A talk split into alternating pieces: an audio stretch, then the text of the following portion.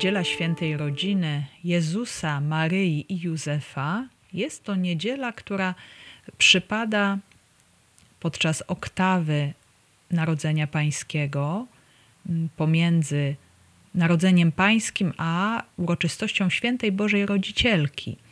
Y, I jest to y, święto, w którym przyglądamy się rzeczywistości świętej rodziny, tej prawdzie, że Syn Boży stał się prawdziwym człowiekiem, mieszkał w ludzkiej rodzinie i również przyjął różne rzeczywistości związane z wymogami ziemskiego, społecznego, rodzinnego życia i również życia religijnego.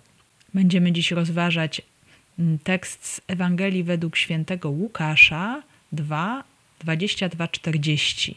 Długi fragment, który ukazuje nam mm, jakiś wycinek z życia świętej rodziny. Poprośmy Ducha Świętego, aby otwierał nasze serca, mm, aby pozwolił nam zasłuchać się w to słowo, przyjąć je jako dar, poprzez który Pan przychodzi do nas dzisiaj, aby ukazać nam swoją obecność, swoją bliskość. On, który dla nas staje się człowiekiem, pragnie przeniknąć swoją miłością i swoim duchem wszystkie wymiary naszego ludzkiego życia, również życie rodzinne. Panie Jezu Chryste, uwielbiamy Cię w tajemnicy Twojego wcielenia, y, to, że jesteś prawdziwym człowiekiem, to, że przyjąłeś wszystkie etapy ludzkiego wzrostu, stając się do nas podobnym we wszystkim oprócz grzechu. Oddajemy Ci nasze serca, oddajemy Ci nasze życie, mm, naszą codzienność. Prosimy Cię, oświecaj nas i prowadź poprzez Twoje słowo i udzielaj nam Twojego Ducha Świętego. Przyjdź o Duchu Święty, przyjdź mocy Boga i słodyczy Boga. Przyjdź Ty, który jesteś poruszeniem i spokojem zarazem. Odnów nasze męstwo, wypełnij naszą samotność pośród świata. Stwórz w nas zażyłość z Bogiem. Przyjdź, duchu, z przebitego boku Chrystusa na krzyżu. Przyjdź z ust zmartwychwstałego. Z Ewangelii według świętego Łukasza. Gdy potem upłynęły dni ich oczyszczenia według prawa mojżeszowego, przynieśli je do Jerozolimy, aby przedstawić Panu. Tak bowiem jest napisane w prawie pańskim: każde pierworodne dziecko płci męskiej będzie poświęcone Panu. Mieli również złożyć w ofierze parę synogarlic albo dwa młode gołębie, zgodnie z przepisem prawa pańskiego. A żył w Jeruzalem człowiek imieniem Symeon. Był to człowiek sprawiedliwy i pobożny, wyczekujący pociechy Izraela, a Duch Święty spoczywał na nim. Jemu Duch Święty objawił, że nie ujrzy śmierci, aż zobaczy Mesjasza Pańskiego. Z natchnienia więc ducha przyszedł do świątyni. A gdy rodzice wnosili dzieciątko Jezus, aby postąpić z nim według zwyczaju prawa, on wziął je w objęcia, błogosławił Boga i mówił: Teraz, o władco, pozwalasz odejść słudze Twemu w pokoju według Twojego słowa, bo moje oczy ujrzały Twoje zbawienie, któreś przygotował wobec wszystkich narodów, światło na oświecenie pogan i chwałę ludu Twego Izraela. A jego ojciec i matka dziwili się temu, co o nim mówiono. Symeon zaś błogosławił ich i rzekł do Maryi, matki jego: Oto ten przeznaczony jest na upadek i na powstanie wielu w Izraelu i na znak, któremu sprzeciwiać się będą. A twoją duszę miecz przeniknie, aby na jaw wyszły zamysły serc wielu. Była tam również prorokini Anna, córka Fanuela z pokolenia Asera, bardzo podeszła w latach. Od swego panieństwa siedem lat żyła z mężem i pozostała wdową. Liczyła już sobie 84 lata. Nie rozstawała się ze świątynią, służąc Bogu w postach i modlitwach dniem i nocą. Przyszedłszy w tej właśnie chwili, sławiła Boga i mówiła o nim wszystkim, którzy oczekiwali wyzwolenia Jeruzalem. A gdy wypełnili wszystko według prawa pańskiego, wrócili do Galilei, do swego miasta Nazaretu a dziecię zaś rosło i nabierało mocy, napełniając się mądrością, a łaska Boża spoczywała na nim. Na początku Ewangelii Łukasza, bo znajdujemy się w rozdziale drugim, mamy tak zwaną Ewangelię dzieciństwa. Ten blok Ewangelii obejmuje dwa pierwsze rozdziały tekstu e, i mamy tutaj zarówno teksty, które przygotowują do narodzin Jezusa i też narodzin Jana Chrzciciela, jak i też sam fakt narodzin Jezusa w Betlejem oraz pokłon pasterzy. To już drugi rozdział Ewangelii Łukaszowej. Następnie ewangelista informuje o spełnieniu wymogu prawa wobec Jezusa, co znalazło wyraz w obrzezaniu osiem dni po urodzeniu. Syn Boży zostaje w ten sposób włączony w szeregi ludu przymierza.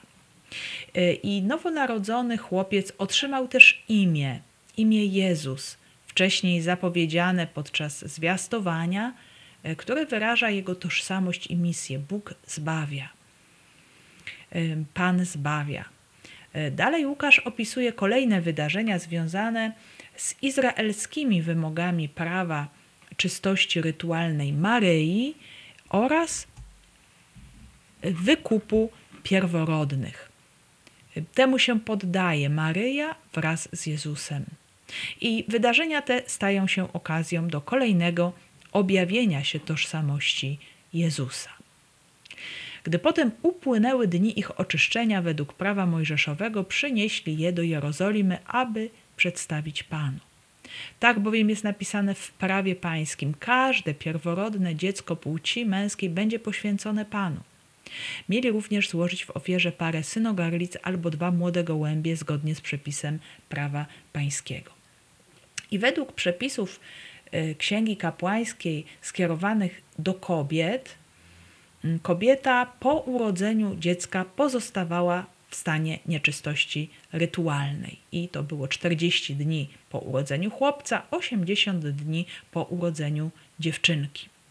E, podczas tych dni kobieta musiała unikać kontaktu z rzeczami świętymi, nie mogła wejść do świątyni i miała taki czas, możemy powiedzieć, swoistego odosobnienia, no też dochodzenia do sił dochodzenia do siebie. Jednak skąd takie przepisy? Otóż w biblijnym Izraelu sfera seksualna człowieka, y, która łączyła się z przekazywaniem życia, otoczona była wielkim szacunkiem. To, co dotyczyło kobiet, stanowiło nawet swoistą tajemnicę dla świata męskiego, y, dla mężczyzn, którzy byli głównymi twórcami praw i przepisów. Był to taki czas odosobnienia kobiety, kiedy wzmacniała swój organizm i dochodziła do siebie po porodzie. Same medyczne argumenty czy higieniczne, one by tutaj były w tamtym czasie niewystarczające. Dlatego właśnie podniesienia tej rangi połogu do takiego szczególnego czasu, no tutaj stawało się to bardzo pomocne dla samych kobiet. E, to się też wiązało z rzeczywistością krwi, e, bo krew była siedliskiem życia, e, a kobieta, tracąc ją podczas porodu, traciła wiele sił życiowych. Także uważano, iż kobieta ma być wówczas oddzielona od kultu Pana, który jest źródłem życia, aż powróci do swojego normalnego stanu. Utratę krwi traktowano jako brak harmonii w ciele, a więc za nieczystość. Oczywiście to nie miało żadnych konotacji moralnych, a jedynie rytualne. I po upływie tego czasu kobieta obmywała się rytualnie, przynosiła do świątyni dwie ofiary całopalną ofiarę z baranka i ofiarę oczyszczenia od upływu krwi z gołębia czy synogarlicy. Natomiast osoby ubogie mogły złożyć dwa gołębie lub dwie synogarlice. I Łukasz mówi o ich oczyszczeniu, chociaż ten ryt dotyczył tylko kobiety. Ale ewangelista chce także tutaj wskazać na rzeczywistość poświęcenia, przedstawienia Jezusa, oddania go na wyłączną własność Boga. Dlatego nawiązuje tutaj do rytu przedstawienia pierworodnych y, w Izraelu. Na pierworodnych synach, chłopcach spoczywał ważny obowiązek przedłużenia rodu, a przede wszystkim uczestnictwa w przymierzu, dziedziczenia i przekazywania Bożych obietnic. I według prawa, mamy zapisane w ósmym rozdziale Księgi Liczb, wszelkie pierwociny pól i zwierząt należały do Pana. Wszystko to należało złożyć Panu w ofierze. Oczywiście nie składano w ofierze pierworodnych synów, ale byli oni poświęceni Panu, stawali się świętymi dla Pana. Byli takimi reprezentantami Pana właśnie w swoich e, rodzinach. E, tutaj też należałoby przypomnieć cały ryt ocalenia pierworodnych przy okazji wyjścia Izraela z Egiptu. E, wtedy właśnie krew baranka paschalnego w szczególny sposób ocaliła tychże, te dzieci pierworodne Izraelitów, Hebrajczyków. Y, oni zostali wtedy ocaleni, właśnie z tego wziął się ten zwyczaj, aby każdy pierworodny syn był poświęcony Panu, a według przepisów zawartych w Księdze Liczb 18 od 15 do 16 pierworodny miał być wykupiony, symbolicznie wykupiony za cenę pięciu cyklów. Y, to jest też ciekawa sprawa, bo bo no właśnie, jeżeli nie byłby wykupiony, to pozostałby własnością Boga. I w opisie Łukasza właściwie nie ma o tym mowy. My wiemy, że to się powinno było dokonać, być może się dokonało. Święty Łukasz o tym nic nie wspomina, jakby pozostawiając nam taką jakąś niepewność. Czy Jezus został wykupiony, czy y, właśnie Y, pozostał na wieki własnością Ojca. Bo zresztą całe też jego życia, życie będzie oddane sprawom Pana. Y, już w kolejnym fragmencie, kiedy będziemy czytać o obecności dwunastoletniego Jezusa w Jerozolimie, pojawią się jego słowa, że on ma być w tym, co należy do jego Ojca, czyli ewangelista chce tu pokazać właśnie tę konsekwencję, że Jezus przynależy y, do Ojca, jest świętym, poświęconym dla Boga całkowicie w swoim życiu, chociaż no, nie, jest, nie jest kapłanem y, w takim znaczeniu przynależności do rodu Lewiego. A żył w Jeruzalem człowiek imieniem Symeon. Był to człowiek sprawiedliwy i pobożny, wyczekujący pociechy Izraela, a Duch Święty spoczywał na nim. Jemu Duch Święty objawił, że nie ujrzy śmierci, aż zobaczy Mesjasza Pańskiego. E, I w tym opowiadaniu pojawia nam się nowa postać. Symeon, to imię znaczy Bóg wysłuchał. E, jest to mieszkaniec Jerozolimy. Mamy sporo legend też na jego temat, zawartych w apokryfach, że miałby on być faktycznie bardzo w podeszłym wieku, że może miałby być nauczycielem prawa, e, może nawet arcykapłanem Y, kimś bardzo, bardzo znaczącym, ale Ewangelie nie dają nam żadnych informacji na temat jego pochodzenia, wymienia się tutaj y, jego przymioty duchowe. Jest człowiekiem prawym, pobożnym i wyczekującym pociechy Izraela. Prawość Symeona to jest jego sprawiedliwość, czyli wierność prawu Bożemu, czyli wypełnianie z wiernością woli Boga. O to Symeonowi chodzi w życiu, żeby wypełnić wolę Boga. I w tym jest bardzo podobny do Zachariasza i Elżbiety, y, Józefa z Arymatei, czy też opisanego w dziejach apostolskich Korneliusza. Kolejny jego przymiot to pobożność, czyli niezwykły respekt, szacunek wobec Boga. E, no właśnie to jest to, czego e, bardzo często brakowało wśród mm, licznych osób z narodu wybranego. Brakowało tej pobożności, na co zwracali uwagę prorocy, a Symeon jest właśnie takim uosobieniem prawdziwego Izraela. I wyczekuje z tej pociechy, która była obiecana przez Boga. Czym miała być ta pociecha? To nadzieja eschatologicznego nawiedzenia Boga, który miał odnowić swój lud. Miało to być źródłem wielkiej radości i pociechy. dla całego ludu. My czytamy o tym w zapowiedziach, szczególnie Izajasza w rozdziale 40, 49, 51 i kolejnych, że naród zostanie pocieszony przez Boga, że w Jerozolimie doznacie pocieszenia. Y, I teraz właśnie to się realizuje, to się wypełnia. Skąd Symon o tym wie? Wie o tym, ponieważ Duch Święty spoczywa na nim. I, I to jest właśnie niesamowicie ważny element, y, bo w Starym Testamencie obecność Ducha Świętego bardzo mocno wiązała się z charyzmatem prorockim, y, z pewnym uzdolnieniem, mocą, którą człowiek otrzymywał od Boga, aby móc wypełnić właśnie wolę Bogą, czy wolę, wolę Bożą, czy też jakieś bardzo ważne dzieła Y, dla całego ludu, dla wspólnoty Izraela. Więc Symeon jest ukazany tutaj jako prorok, a zatem wszystko to, co mówi, to, co czyni, pochodzi od Boga, jest on prowadzony przez Boga, jest świadomym narzędziem Boga i jego działania wobec Izraela. Jest, możemy powiedzieć, takim symbolem całego Izraela, również ta jego starość. Człowiek, ten jest w podeszłym wieku, wskazuje właśnie na całą wcześniejszą historię, całe wieki oczekiwania y, na przyjście Mesjasza. Y, I Symon jest tak otwarty na działanie Ducha Świętego, że potrafi usłyszeć w swoim sercu jego delikatny głos zapewniający, że w jego życiu to spotkanie z Mesjaszem się dokona.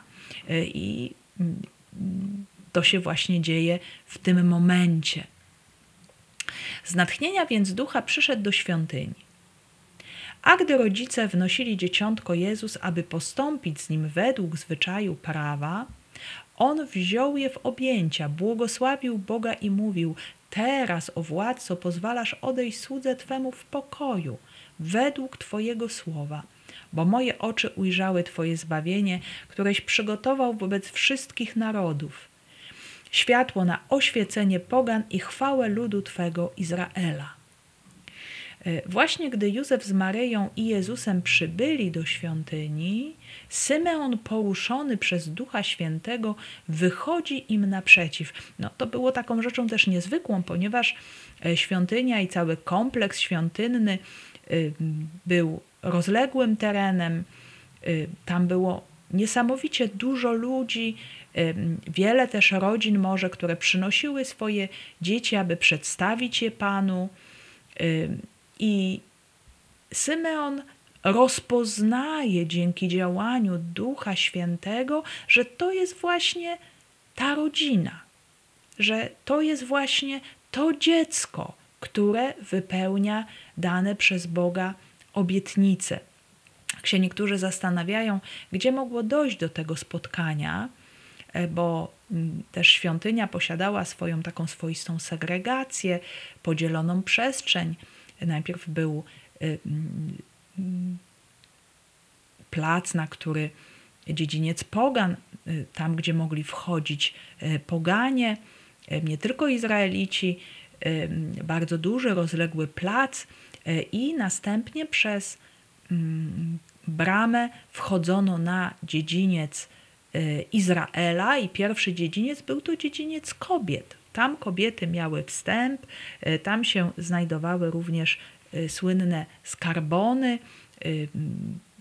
do których ludzie wrzucali swoje ofiary. Możemy przypomnieć sobie tutaj też przy okazji ubogą wdowę, mm, która się tam znajdowała i składała swoją ofiarę. I później już dalej przez bramę Nikanora wchodzono na dziedziniec mężczyzn.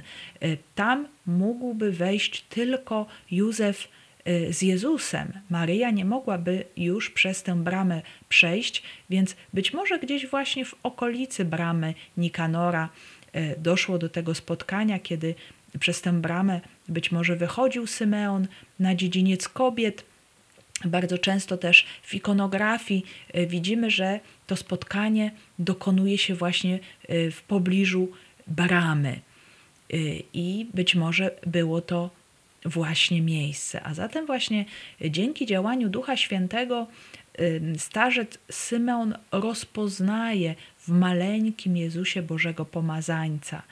Podczas gdy Jezus miał być postawiony wobec Boga jako pierworodny, pojawia się ten niezwykły prorocki głos, który objawia jego prawdziwą tożsamość. Y, Symeon otrzymuje Jezusa, bierze go w objęcia i, i trzymając go w ramionach, wygłasza hymn uwielbienia Boga, y, którego moc właśnie w tym dziecku dostrzega. Oto pojawił się Syn Boży, który przybył, aby objąć w posiadanie dom swego Ojca. To jest pierwsze przybycie Jezusa, Syna Bożego, do domu Jego Ojca. To przybycie Boga do świątyni, tak bardzo upragnione, oczekiwane, o którym mówili prorocy, właśnie w tym momencie się dokonuje. I Symeon zwraca się do Boga jako do władcy wszystkiego władco, pozwalasz odejść słudze Twemu w pokoju, bo moje oczy ujrzały Twoje zbawienie. A zatem właśnie y, Symeon mm, rozpoznaje działanie Boga, ale też y, rozpoznaje y, to, kim jest on sam, jest wiernym sługą, którego celem życia było wypełnienie woli Boga, posłuszeństwo Duchowi Świętemu, posłuszeństwo y, Bożemu Słowu i spotkanie z Jezusem staje się wypełnieniem Bożej obietnicy, staje się celem jego długiego życia. To życie dochodzi teraz do pełni. Symeon już, można tak powiedzieć, y, odkrywa, że zobaczył już wszystko to, co mógł w swoim życiu zobaczyć i odkryć, i zbliża się kres jego życia. To życie jest całkowicie wypełnione i e, Bóg jako jego Pan i władca może odwołać go z tej służby na zasłużony odpoczynek. A zatem śmierć nie jest już w tym momencie jakąś tragedią, przerwaniem życia, ale staje się nagrodą, którą on przyjmuje z wielkim pokojem, bo oto zbawienie już jest obecne pośród ludu Izraela. I pojawia się dalej e, kolejny wymiar modlitwy Symeona. Trzymając w objęciach Jezusa, uświadamia sobie, że teraz właśnie już ogląda zbawienie nie tylko Izraela, ale zbawienie świata. Choć jeszcze upłynie sporo czasu do momentu nauczania Jezusa, Jego męki, śmierci, zmartwychwstania, e, to właśnie e, już teraz następuje to Boże działanie, y, do którego zmierzała cała wcześniejsza biblijna historia. Y, Symon nazywa Jezusa wprost światłem na oświecenie pogan. Jest to wypełnienie się w Jezusie y, proroctw związanych ze sługą pańskim, o którym czytamy w księdze proroka Izajasza 42:6, 49:6. W Biblii to światło symbolizuje dobroć władcy, przychylność, Boże błogosławieństwo, prawdę, a nawet samego Boga, którego światło było y, pierwszym i największym atrybutem. Według proroka Izajasza cały naród wybrany, cały Izrael został powołany do niesienia narodom światła wiary w jedynego Boga. Choć właściwie najważniejszą rolę miał tu odegrać sługa pański, tajemnicza postać sługi pańskiego. A zatem Bóg chce, aby wszystkie ludy i narody przyjęły dar Jego zbawienia. To zbawienie nie jest zarezerwowane tylko dla narodu wybranego. Naród wybrany miał być tym reprezentantem Boga prawdziwego, który pozwoli poznać Boga i Jego zbawienie całemu światu. I to zbawienie się dokonuje w Jezusie, w Jego osobie i fakt ogłoszenia tego zbawienia ma również dotyczyć tych, którzy do tego narodu nie należą, wszystkich pogan. Jezus jest też nazwany chwałą ludu swego Izraela. E, no właśnie, najpierw to zbawienie przyjmuje Izrael, czy zostaje zaproszony do przyjęcia tego zbawienia. Wcześniej pojawiają się obietnice, a to przyjęcie ma się następnie rozszerzyć na pogan i wszystkie inne ludy całego świata. Symeon zaś błogosławił ich i rzekł do Maryi, matki jego: Oto ten przeznaczony jest na upadek i na powstanie wielu w Izraelu i na znak, któremu sprzeciwiać się będą, a Twoją duszę miecz przeniknie, aby na jaw wyszły zamysły serc wielu. E, ewangelista Łukasz nazywa Józefa i Maryję rodzicami Jezusa. E, tutaj nawet wprost mówi o jego ojcu i matce, y, to wskazuje na fakt prawnej opieki Józefa nad Jezusem. Jezus był adoptowanym synem Józefa y, i mm, właśnie te wyrażenia, one nam podkreślają, ukazują, że y, Maryja z Józefem i Jezusem tworzyli prawdziwą rodzinę w której każdy miał swoje miejsce i zadanie. I cała opieka wobec Jezusa właśnie była w rękach Maryi i Józefa. Pojawiają się słowa skierowane do Maryi, no, która jest zaskoczona zapewne tym orędziem, tym proroctwem, ale no, jest to jakiś kolejny element zwiastowania, czy szeregu zwiastowań, które otrzymuje Maryja y, właśnie w kontekście jej szczególnej misji Bożego Macierzyństwa. Y, ewangelista Łukasz bardzo pięknie pokazuje nam, jak Maryja od różnych osób otrzymuje potwierdzenie swego obdarowania. To będzie Elżbieta, to będą pasterze, Y, a teraz właśnie Symeon y, potwierdza niezwykłe obdarowanie y, i też rolę Maryi w dziele zbawienia. Symeon, kiedy zwraca się do Maryi, najpierw wskazuje na bardzo złożoną tożsamość i misję jej syna, że Jezus będzie znakiem sprzeciwu że jego osoba, nauczanie i działalność doprowadzą do mocnej polaryzacji stanowisk, czyli że jedni go przyjmą, a inni go odrzucą. I dla odrzucających Jezus będzie kamieniem upadku. To się odnosi do proroctwa Izajasza 8:14 Y, gdzie czytamy: On będzie kamieniem obrazy i skałą potknięcia się dla obu domów Izraela, pułapką i sidłem dla mieszkańców Jeruzalem.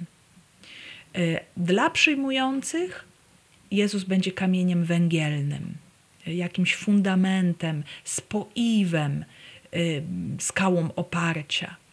A zatem właśnie Jezus będzie znakiem, będzie bardzo wyrazistym znakiem, Y, ukazującym łaskę, miłość Boga, ale jednocześnie ten znak y, będzie zapraszał do podjęcia decyzji, do wyboru, y, do jakiejś bardzo konkretnej reakcji. Nie będzie można przejść obok niego obojętnie, i Symeon bardzo wyraźnie zapowiada, że jedni go odrzucą, nie będą chcieli przyjąć jego daru, a inni go przyjmą. Odrzucenie Jezusa będzie się też wiązało z cierpieniem jego matki. I pojawia się tutaj metafora miecza, y, co z jednej strony odnosi się do symbolu Bożego Słowa. Każdy prorok głoszący Słowo Boże miał w swoich ustach jakby miecz obosieczny, poruszający, dotykający tych, do których się zwracał, rozdzielający rzeczywistość, tak jakby wprowadzający tę rzeczywistość sądu, czyli pe konieczności pewnej decyzji wobec właśnie tego miecza Bożego Słowa. I to słowo też wypełni się i zrealizuje w życiu Maryi. To słowo ją przeniknie. To ten miecz będzie obecny w jej sercu i będzie z jednej strony łączyć się i, i wykazywać na jej całkowitą wierność i posłuszeństwo Bożemu Słowu, ale z drugiej strony będzie dla niej też ogromnym cierpieniem związanym z odrzuceniem Bożego Syna. Maryja będzie w sposób szczególny współuczestniczyć w tajemnicy krzyża Jezusa. Jego osoba podzieli Izraela i ten miecz podziału będzie wielkim cierpieniem, ale jednocześnie ujawni ukryte zamysły serc. Po prostu pokaże prawdę i Maryja będzie w tym y, uczestniczyć. To jest właśnie ta jej niezwykła misja. To Boże macierzyństwo jest nie tylko źródłem ogromnej radości, błogosławieństwa, ale ukazuje tę drugą stronę medalu związaną z, y, z ludzką grzesznością, z tym, że człowiek może swoją wolną decyzją odrzucić miłość Boga i to również y, będzie się w jakiś sposób odzwierciedlać w trudzie, w cierpieniu, w bólu serca Maryi. Była tam również prorokini Anna, córka Fanuela z pokolenia Asera, bardzo podeszła w latach. Od swego panieństwa siedem lat żyła z mężem i pozostawała wdową. Liczyła już sobie 84 lata. Nie rozstawała się ze świątynią, służąc Bogu w postach i modlitwach dniem i nocą.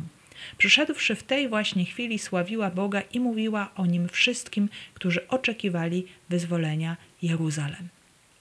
Obok starca Symeona Łukasz przedstawia kolejną postać, która rozpoznaje Jezusa i jest to kobieta. To jest też takie bardzo charakterystyczne dla dzieła Łukaszowego, że mm, pokazuje bardzo często osoby w parach.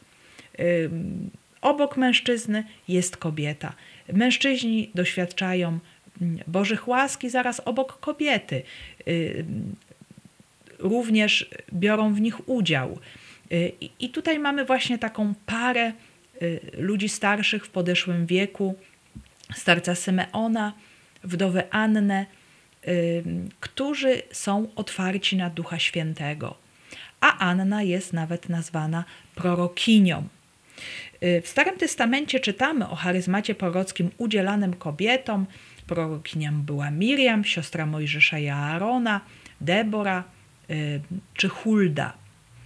Jest to dar, poprzez który osoba staje się pośrednikiem między Bogiem i ludźmi. Anna jest więc osobą otwartą na Ducha Świętego i podobnie jak Symon przekazuje słowo Boga innym.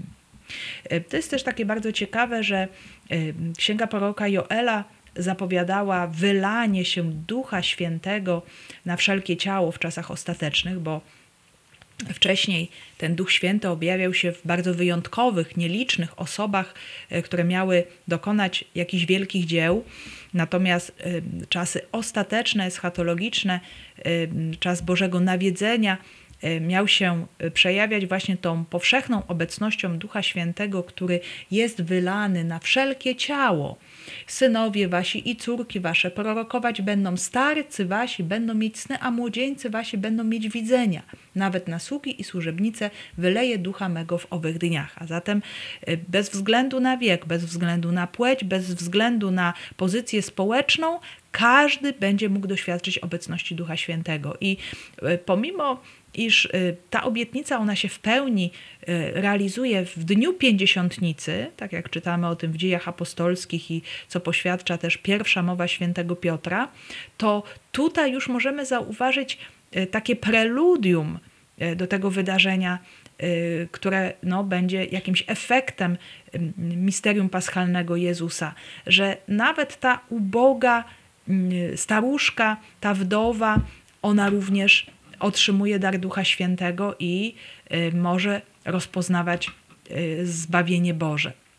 Bardzo też jest to ciekawe, że Łukasz nas informuje o pochodzeniu Anny, y, właśnie jakby podkreślając to, że jest ona właśnie taką osobą prostą, ubogą, jest córką Fanuela, Fanuel to znaczy Boże oblicze, Boża twarz, co też nam podkreśla Bożą obecność w jej życiu, z pokolenia Asera. Pokolenie Asera y, przebywało, wywodziło się z północno-zachodniej Galilei. I te pokolenia państwa północnego zostały w VIII wieku przed Chrystusem najechane przez Asyryjczyków. Wielu z nich uprowadzono do Asyrii. Ci, którzy pozostali, byli wymieszani z ludami pogańskimi sprowadzonymi właśnie z głąb imperium asyryjskiego. I gdy władca państwa południowego, Judy, Ezechiasz, dokonywał reformy kultu, zaprosił też pokolenia północne do świętowania Paschy w Jerozolimie. W większości przypadków jego zaproszenie zostało odrzucone, bo pokolenia północne miały swoje miejsca kultu w Betel i w Dan. Pojawiły się jednak wyjątki. Tak czytamy w drugiej księdze Kronik 30:11. Jedynie niektórzy mężowie z pokolenia Asera, Manassesa i Zabulona upokorzyli się i przyszli do Jerozolimy. I była to niewątpliwie zapowiedź przyszłego zjednoczenia dwunastu pokoleń Izraela, y, którego miał dokonać właśnie Mesjasz. Mm, więc y, tutaj ta obecność Anny z pokolenia Asera, które było ostatnim pokoleniem y, w Jerozolimie, w świątyni rozpoznającej Mesjasza, daje nam taki kolejny znak, już preludium, już zapowiedź, że Duch Święty działa i poprzez Mesjasza dokona się zjednoczenie narodu izraelskiego, y, stworzenie właśnie tej nowej wspólnoty wiary, która już y, nie tylko y, będzie zawierać w sobie naród wybrany, ale też i pogan, wszystkich tych, którzy przyjmą Boże orędzie. Także Anna jest pobożną wdową, która w młodym wieku utraciła męża, nic nie wiemy o jej dzieciach. Wiemy, że cała jej samotność, trud, ubóstwo są złączone z Bogiem, że przebywa w świątyni, y, że całe jej życie, podobnie jak życie Syme, ona jest ukierunkowane na Boga. Ona się modli, pości, przebywa w świątyni, y, chwali i wielbi Boga.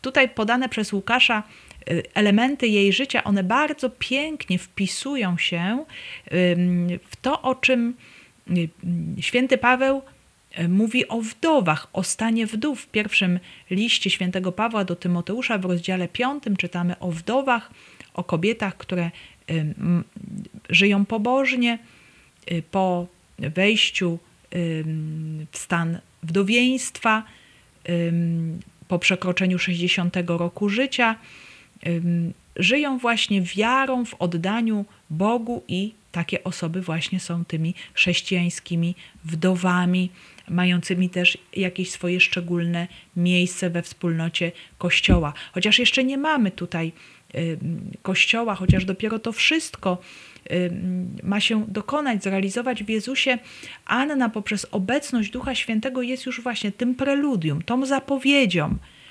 wspólnoty Kościoła, i tych osób, które w sposób taki całkowicie wierny, radykalny y, oddadzą swoje życie Bogu.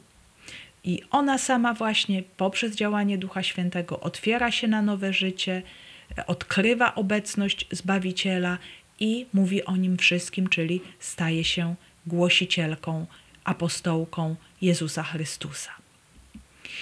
A gdy wypełnili wszystko według prawa pańskiego, wrócili do Galilei, do swego miasta Nazaretu. Dziecię zaś rosło i nabierało mocy, napełniając się mądrością, a łaska Boża spoczywała na nim. Opowiadanie to kończy się konkluzją, która wskazuje na codzienność życia świętej rodziny. Są wierni w zachowywaniu Bożego prawa, wypełniają je jak należy, Powracają z Jerozolimy do Galilei, do miasta Nazaret, do tego miejsca, o którym nikt nie wspominał w Starym Testamencie. Żyją gdzieś na uboczu, na prowincji i tam Jezus spędza y, większość swojego ziemskiego życia, czas, który y, spędza w ukryciu, y, w którym dorasta w różnych wymiarach swojego człowieczeństwa fizycznie, psychicznie i duchowo. Uczy się być człowiekiem, y, od swoich ziemskich rodziców, uczy się być synem narodu wybranego, synem przymierza, poznaje wiarę Izraela, historię, wszystko to, co jest związane z Bożym prawem, z Bożym Słowem. Jego wzrost dokonuje się w promieniach Bożej łaski.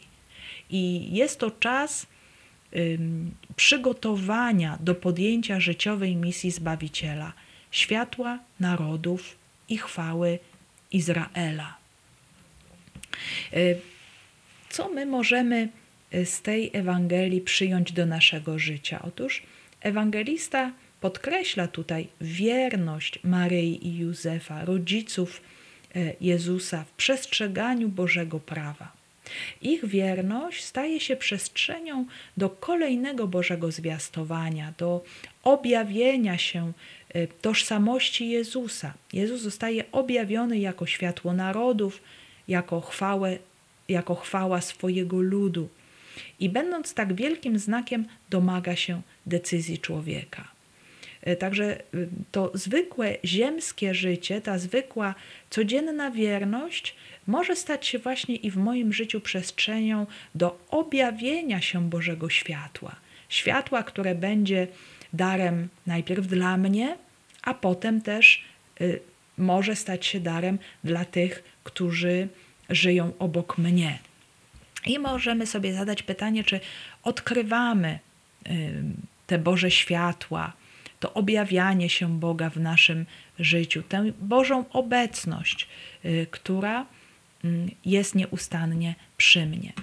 Dalej, jako szczególne przykłady jawią nam się dzisiaj Symeon i Anna wierni Izraelici, którzy są całkowicie oddani Bogu, którzy są otwarci na działanie Jego ducha, którzy właśnie potrafią przekazać, dzielić się nowiną o Bożym zbawieniu. Choć są utrudzeni życiem, są nieustannie gotowi na nowość Bożego działania. Czego oni mogą mnie dziś nauczyć?